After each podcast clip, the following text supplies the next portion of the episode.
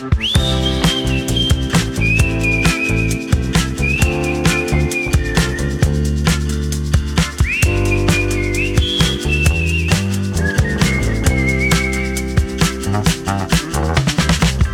Bon dia a tothom i benvinguts a aquest episodi número 103 del podcast, l'últim del mes de gener. Avui la Sílvia no hi és, però no us preocupeu que això no serà un monòleg meu. En l'episodi d'avui us volem presentar un nou membre de l'equip d'Easy Catalan. Ja heu vist que aquest projecte no és unipersonal, sinó que està format per tota una sèrie de persones, la majoria de les quals voluntàries. Per exemple, el Ruben, no sé si us en recordeu, el vam sentir fa unes setmanes aquí al podcast perquè ens va enviar un àudio explicant-nos que havia començat un podcast multilingüe en el qual un episodi tractava del català i estava fet en català. I al cap de poc, parlant amb ell, doncs es va voler implicar en el projecte com a voluntari per ajudar-nos amb les traduccions. També s'hi han unit recentment la Carrie, la Laura i la Paula. Per tant, ja ho veieu, som un grup de persones amb molt d'entusiasme per les llengües en general i pel català en particular. Així que abans que res, deixeu-me fer un aplaudiment per tots ells, per l'esforç, les ganes i l'energia que hi posen, però també un aplaudiment i una abraçada per a totes les persones que ens ajuden a tirar aquest projecte endavant. Em refereixo a totes les persones que s'han fet membres de la comunitat, que practiquen el català amb nosaltres diàriament a través de Discord i gràcies a les quals, també, avui us puc presentar aquest nou membre de l'equip, la Irene. Hola, Irene, com estàs? Hola, Andreu, molt bé, i tu? Molt bé. Escolta, alguns dels nostres oients, els que miren els vídeos, t'hauran vist ja en un parell o tres de vídeos del canal, no? com el del salari ideal o el de quins plans tens per avui, però de fet encara sabem molt poques coses sobre tu. Així que avui et volem presentar a la nostra audiència i, per tant, doncs, el micro és teu, et pots presentar com vulguis. Doncs soc de Súria, els Mhm. meus pares viuen a Súria i sóc de Súria tota la vida, però eh, fa uns 5-6 anys que sóc a Manresa, és a dir, que visc a Manresa. D'acord. Per qui no conegui Manresa ni Súria, on ens hem d'ubicar? O sigui, on és això? Això és a la comarca del Bages, per tant, al centre de Catalunya, entre Vic i Barcelona, més o menys. D'acord. O sigui, cap al centre de Catalunya, diguéssim, no? Més o menys? Mm -hmm. D'acord. Molt bé. I bé, què vas estudiar?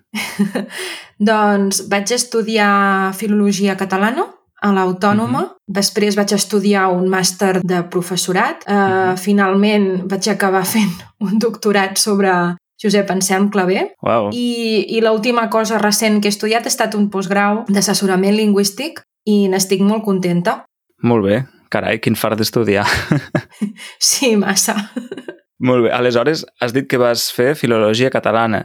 Mm, Sí. Per què vas triar filologia catalana? O sigui, estudis catalans, no? Que dirien en anglès, catalan studies. Mira, de sempre m'han agradat molt les llengües. Uh, de fet, quan feia batxillerat i ja quart d'ESO, però sobretot batxillerat, uh, uh Mhm. -huh. vaig decidir de cantar especialment per l'humanístic, no? per la branca humanística, perquè m'apassionava el que eren les assignatures de llengua i, de, i la literatura, sobretot. Tant la Mhm. catalana com la castellana com la universal, tot, tot això. I finalment, quan va arribar el moment de triar, vaig pensar, a veure, a veure, Irene, on fas més falta? Quina llengua de totes les que saps i has estudiat? Quina de totes aquestes llengües seràs més útil i faràs un bon servei perquè es conservi, perquè tiri endavant, perquè serveixi, perquè... Mm -hmm. Bé, i coneixent la història no, doncs, de totes les llengües que he estat estudiant, eh, especialment del castellà i del català, doncs em vaig decantar cegament per la, literatura, ai, per la llengua catalana, per filologia catalana, en aquest cas. I podia haver fet, és cert, que també podia haver fet un, grau, un grau combinat en filologia catalana i filologia mm, castellana, però, Mm -hmm. però finalment vaig pensar que, que tal com sóc, que sempre m'atabalo i que sempre acabo barrejant coses, que era millor que em centrés només en una i finalment vaig, vaig optar per fer només filologia catalana.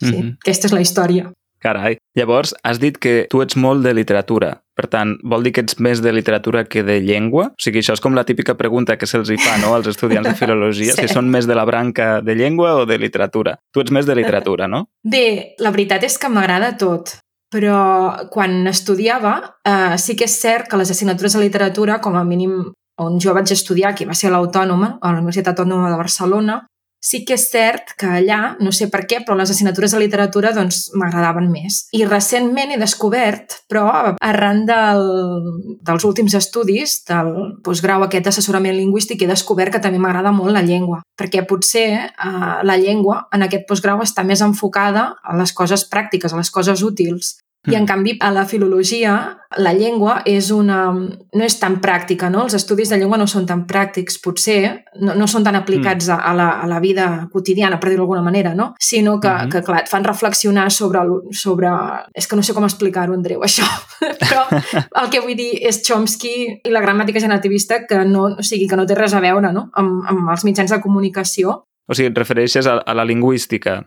Sí, és una branca lingüística que, clar, que no, no apliques, no, no sols mm -hmm. aplicar amb els textos quan escrius ni, ni res de tot això. Llavors, com que em quedava com més allunyat i realment has de tenir una passió per la llengua molt, molt, molt forta com per decidir-te acabar estudiant això. I no mm -hmm. és el meu cas. Per això em vaig decantar més potser cap a la literatura.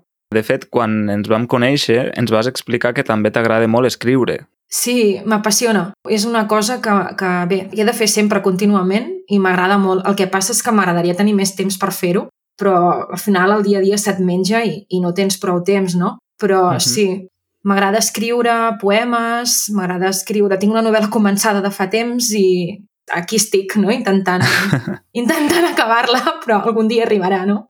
D'acord. I de quin gènere és, si es pot saber? Eh, no t'ho sabria dir ben bé. Mm, jo crec que com, un, com una novel·la d'aventures. Mm, deixem-ho ah, així. d'acord. De moment. Perquè tot pot ser que canvi, no? Eh, no sé, uh -huh. fins que no estigui acabat. D'acord. Doncs ja ens avisaràs si surt publicada. Tant de bo. Home, i tant. I tant, tant de bo. Molt bé. Escrius en català, per això, no? Els poemes sí, la mhm. novel·la mm -hmm. no. Ah, I no és perquè no... Però m'he plantejat traduir-la, eh? Però no és perquè no vulgui escriure-la en català, sinó perquè, com que treballo en català i les 24 hores del dia tot és català, quan em poso a mhm. escriure mm -hmm. necessito com fer com una barrera. Ah, d'acord, com una desconnexió. Sí, uh mhm. -huh. en canvi, en aquest cas la llengua em permet com allunyar-me una mica no, de, de realitat diària llavors escric en castellà. Però és cert que la meva intenció és que quan l'acabi és traduir-la, perquè a mi m'agradaria i em faria il·lusió publicar-la en català, evidentment. D'acord, per tant, tenim una manresana que va estudiar filologia catalana, que li agrada molt la literatura, però també la llengua, li agrada escriure, però què més? Què t'agrada fer a part de tot això, en el teu temps lliure, per exemple? Com ens hem d'imaginar la Irene en un cap de setmana normal? doncs no sé, un cap de setmana ideal seria, uau, si pogués agafar l'avió no? i anar a qualsevol part del món. Això seria, seria fantàstic, no? Però bé, la realitat és una altra, l'economia també és la que és, llavors jo crec que sí, un cap de setmana normal, doncs, eh, podeu imaginar doncs, eh, anant a fer algun àpat fora, amb els amics, d'anar a fer senderisme, caminar, alguna caminada, alguna ruta per aquí, mm. per Montserrat o per aquí la comarca. Uh, això, aquest tipus d'activitats. Passant estona mm. uh, amb els meus gats, que en tinc dos, per cert. Ah, ets de l'equip Gats, d'acord. Jo soc, soc de l'equip Gats, sí. d'acord, molt bé, molt bé, molt bé. També grava vídeos a Misi Catalan, no? Sí, és veritat. Això també és una activitat que últimament forma part del meu cap de setmana. I que ens ho passem molt bé, per cert. Sí, de fet, aquest cap de setmana mateix vam trobar-nos a prop de Manresa, o més aviat a prop de Berga, per sí. gravar un vídeo amb la Sílvia i el Joan també, i va sí, ser molt sí. divertit, no? Um, què pots explicar d'aquesta experiència gravant vídeos amb Visi Catalan? Bé, doncs aquest cap de setmana vam anar a Viladomiu Vell. Ho dic bé? Sí, sí no? Sembla sí. que sí. Vam anar a Viladomiu Vell i, i la veritat és que va ser molt divertit perquè, bé, no, no puc avançar continguts del vídeo perquè si no estaria fent aquí spoilers, però ens van fer un bon tip de riure entre tots perquè vam fer situacions molt còmiques, molt divertides, mm -hmm. per intentar-vos fer riure no? mentre apreneu la llengua, que aquest és el propòsit. I, mm -hmm. I la veritat és que si nosaltres ens ho passem bé gravant-ho, vol dir que vosaltres, quan els vegeu, també segurament us ho passareu d'allò més bé. Va ser, de veritat, molt divertit. Sí, jo no sé si després, veient el vídeo, la gent riurà, espero que sí, però nosaltres, la veritat és que vam riure molt per fer tota aquella sèrie d'escenes i, i gags. Va estar molt bé. D'acord, sí. doncs això ens porta a parlar del teu paper dins de l'equip, no? dins d'Easy Catalan. A veure, quines són les teves tasques principals? Bé, faig moltes coses dins l'equip, però es pot dir resumidament que em dedico el que és la redacció de continguts per les webs, també per, de continguts didàctics, no? a l'hora de preparar cursos i, i exercicis, no? els exercicis dels vídeos que, que els mm. membres tenen accés, els membres de la nostra comunitat tenen accés a aquests exercicis, doncs normalment també els faig jo. I després també eh, col·laboro amb el que és la, la transcripció dels vídeos eh, setmanals que anem publicant i la revisió i la creació de les ajudes de vocabulari dels episodis mm -hmm. de podcast. Llavors, doncs, eh, bé, serveixo per tot, de certa manera. Una mica de tot, no? A part de sí. això, fer els guions i gravar els vídeos. Això també és veritat, m'ho he descuidat, sí. Mm -hmm. Potser aquesta és la part més creativa. Sí. D'acord. Quina és la part que t'agrada més? O sigui, de totes aquestes tasques, quina és la que t'estimula més, la que et fa més il·lusió fer? Bé, m'agrada molt fer guions de vídeos. És, mm -hmm. Ho mhm. trobo molt creatiu, és molt divertit i quan m'ho passo bé fent un guió, després passa el que va passar aquest cap de setmana, no? que quan el gravem ens ho passem d'allò més bé. I és després una cosa que m'omple, perquè quan veus que ha funcionat, que l'hem gravat i que a sobre ens ho hem passat bé, doncs és una cosa que omple mm. molt. I llavors també el que m'agrada molt per l'aprenentatge que, que em suposa no? és uh, tot el tema relacionat amb les transcripcions i les, les, les transcripcions de vídeo i de, i de podcast perquè se n'aprèn moltíssim. De fet, l'Andreu mm -hmm. sempre m'està donant consells i això és molt d'agrair perquè n'estic aprenent, però molt, molt. D'acord. M'alegro de saber que és una de les tasques que més, que més t'agraden. T'anava a preguntar també quines són les que trobes més difícils, no? les que potser representen més un repte per a tu. Home, m'agraden molt aquestes que t'acabo de dir, de, de transcriure i de, de revisar i tot, però és cert que són les que estic menys... M'agraden precisament perquè són les que més n'aprenc, però també són les que estic menys habituada i precisament per mm -hmm. això també són un gran repte. Però és un repte que per mi és apassionant, m'agrada molt. Que bé. Sí, són aquestes. Molt bé, fantàstic. D'acord, has fet menció als cursos d'autoaprenentatge, no? No només sí, als exercicis correcte. dels vídeos, que això ho tenen disponible tots els membres de la comunitat. Si no els heu vist, és interessant que mireu com són perquè potser us ajuden a treballar una mica més el vostre català a partir dels vídeos que fem setmanalment, no? Però m'interessaria que parléssim breument d'aquests cursos d'autoaprenentatge i bé, si poguessis explicar així breument com són i sí, una mica què, què són aquests cursos i com són per algú que encara no sàpigui que estan a disposició. Doncs mireu, aquests cursos, de moment tenim el curs d'A1, que ja ha sortit i està disponible, i aquest curs, de moment, és un curs inicial doncs, per a aquelles persones que pretenen eh, doncs, aprendre català des de zero o que volen refrescar eh, coneixements que ja tenen sobre el català, i és un curs molt interactiu, molt innovador, des del punt de vista en què el català que s'aprèn és el català uh -huh. del carrer i s'aprèn mm. tot molt, és molt dinàmic perquè s'aprèn tot a base dels vídeos que ja heu vist o que inclús d'altres que s'han gravat expressament per aquest curs. També hi han molts, molts arxius de so, eh, molts dels quals també prominent de podcasts i d'altres que també, evidentment, s'han creat expressament. Eh, mm. Llavors, hi ha molts exercicis interactius i, per tant, quan els fas pots tu mateix corregir-te eh, l'exercici i veure si està bé o no. I bé, penso que són una bona eina doncs, per aprendre català al teu ritme des de casa i, uh -huh. i això, per anar avançant en l'aprenentatge d'aquesta llengua, doncs això, tu sol i al teu ritme, des de casa, des d'on vulguis, quan vulguis, no sé, uh -huh. penso que és, és una eina molt interessant i sobretot, uh -huh. i sense desmereixer altres coses que s'han fet per l'aprenentatge de la llengua, però penso que de veritat són molt innovadors pel fet que parteixen de la llengua que realment es parla al carrer i que no estem aprenent ni paraules ni expressions ni res que no, que no sigui el que realment es fa servir. De fet, en aquest curs de1 i també en el curs de 2 que estàs elaborant, o sigui, això sí. que quedi clar, la tasca o una de les tasques principals de la Irene ara mateix és elaborar aquest curs de continuació de nivell A2 i doncs al llarg d'aquests cursos hi ha tot d'anotacions, diverses anotacions sobre variants més col·loquials no? que es poden sentir al carrer, perquè ja ho sabeu que la llengua col·loquial no és la mateixa que la dels llibres, no? I, per exemple, ara m'ha vingut un exemple al cap, en lloc de dir adeu sempre, moltes vegades diem simplement Déu, no? Déu. Mm -hmm. Doncs hi ha anotacions d'aquesta mena que us ensenyaran a aprendre aquest català més viu, no? El que se sent cada dia al carrer.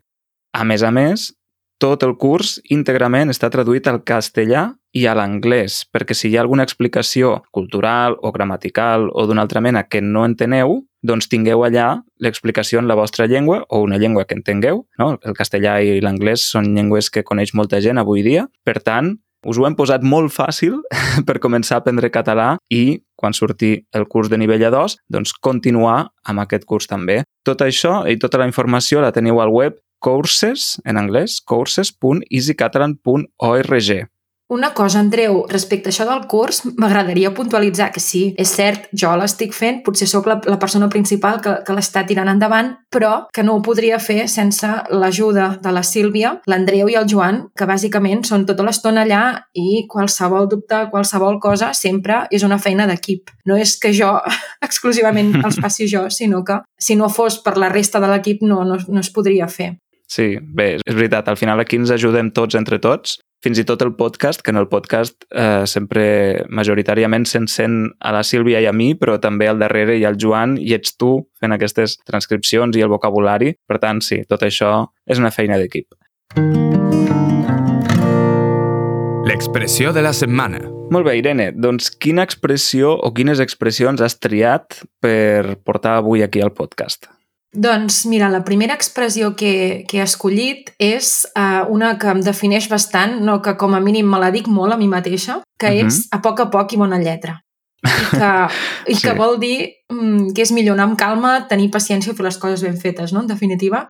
Uh -huh. Penso que sóc una persona que a vegades sóc molt impacient, que necessito fer les coses ràpid, ja, i precisament aquesta feina que faig ara doncs és totalment al contrari, no? I per tant, molt sovint, sovint m'he de dir a poc a poc i bona lletra, que tot ho farem i a tot arreu arribarem, però sobretot a poc a poc i bona lletra, perquè a vegades per tant córrer, tant córrer, tant córrer, fas les coses molt mal fetes o deixes moltes coses pel camí i mm. no, no és mm -hmm. així per fer-ho ben fet s'ha de fer així, a poc a poc i per tant, és com, el teu, és com el teu mantra, no, aquest? Sí, últimament, sí, sí, totalment. D'acord. A mi m'agrada molt també aquesta expressió. Crec que va sortir en algun episodi anterior, però no passa res. De fet, està bé que les recordem, sobretot aquestes que són més vives, no? Jo crec que aquesta és una expressió força, força habitual, és a dir, potser no la diem cada dia, tu potser sí, però, però en general Vull dir, no és una expressió allò rebuscada, estranya, no? No, a poc a poc i bona lletra. És quan diem que les coses s'han de fer sense pressa, no? Que si volem fer una cosa ben feta, no, no es pot fer ràpid, de pressa i corrent, no? Una puntualització que podem fer, uh -huh. lingüística, sobre aquesta expressió, és que moltes vegades, en lloc de a poc a poc, podeu sentir poc a poc, no? I això ens ve per influència del castellà i cal recordar que en català hem de dir a poc a poc, no? repetint la preposició dues vegades. A poc a poc i bona lletra. Uh -huh. Molt bé. I em sembla que en tens una altra, no?, d'expressió. Sí, bé, segur que també l'heu sentit, però bé, és, uh, crec que té molt a veure no? doncs amb la temàtica actual. Per exemple, a mi em preocupa moltíssim doncs, que és, és la sequera, uh, uh -huh. que ja fa temps que, que, no? que ens, està, ens està perseguint aquesta situació i sembla que costa de revertir. I relacionat amb això, doncs, se'm va acudir que que seria ideal comentar l'expressió de d'on no n'hi ha no en raja, no? que vol mm -hmm. dir que d'on no hi ha res no en pot sortir res. Normalment ens referim, eh, en fem servir aquesta expressió quan ens referim a la raó, a la lògica o d'algú o d'alguna cosa. I jo, per exemple, eh, relacionat amb el tema que us deia, a l'estiu passat, una de les coses que més em va cridar a mi l'atenció és que mentre estàvem amb alerta no, de, que, de que hi haurien restriccions d'aigua, de que la sequera realment era un problema molt important, i tot això, eh, els hotels, per exemple, estaven amb les seves piscines, totes plenes, tots els turistes allà, i bé, doncs eh, se'n va acudir, no? Seria una, una expressió seria que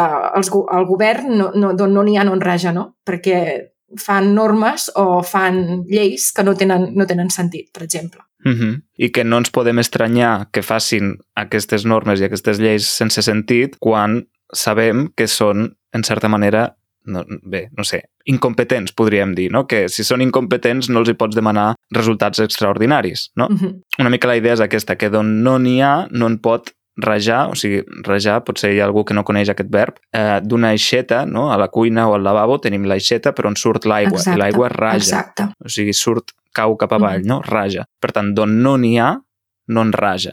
Acabo de trobar una web de tocatdelbolet.cat, no sé si la coneixes o et sona, sí. on parlen d'aquesta expressió i donen diferents equivalents en diferents llengües, no? Vull dir, per exemple, en anglès, francès, alemany, castellà gaèlic irlandès Uau.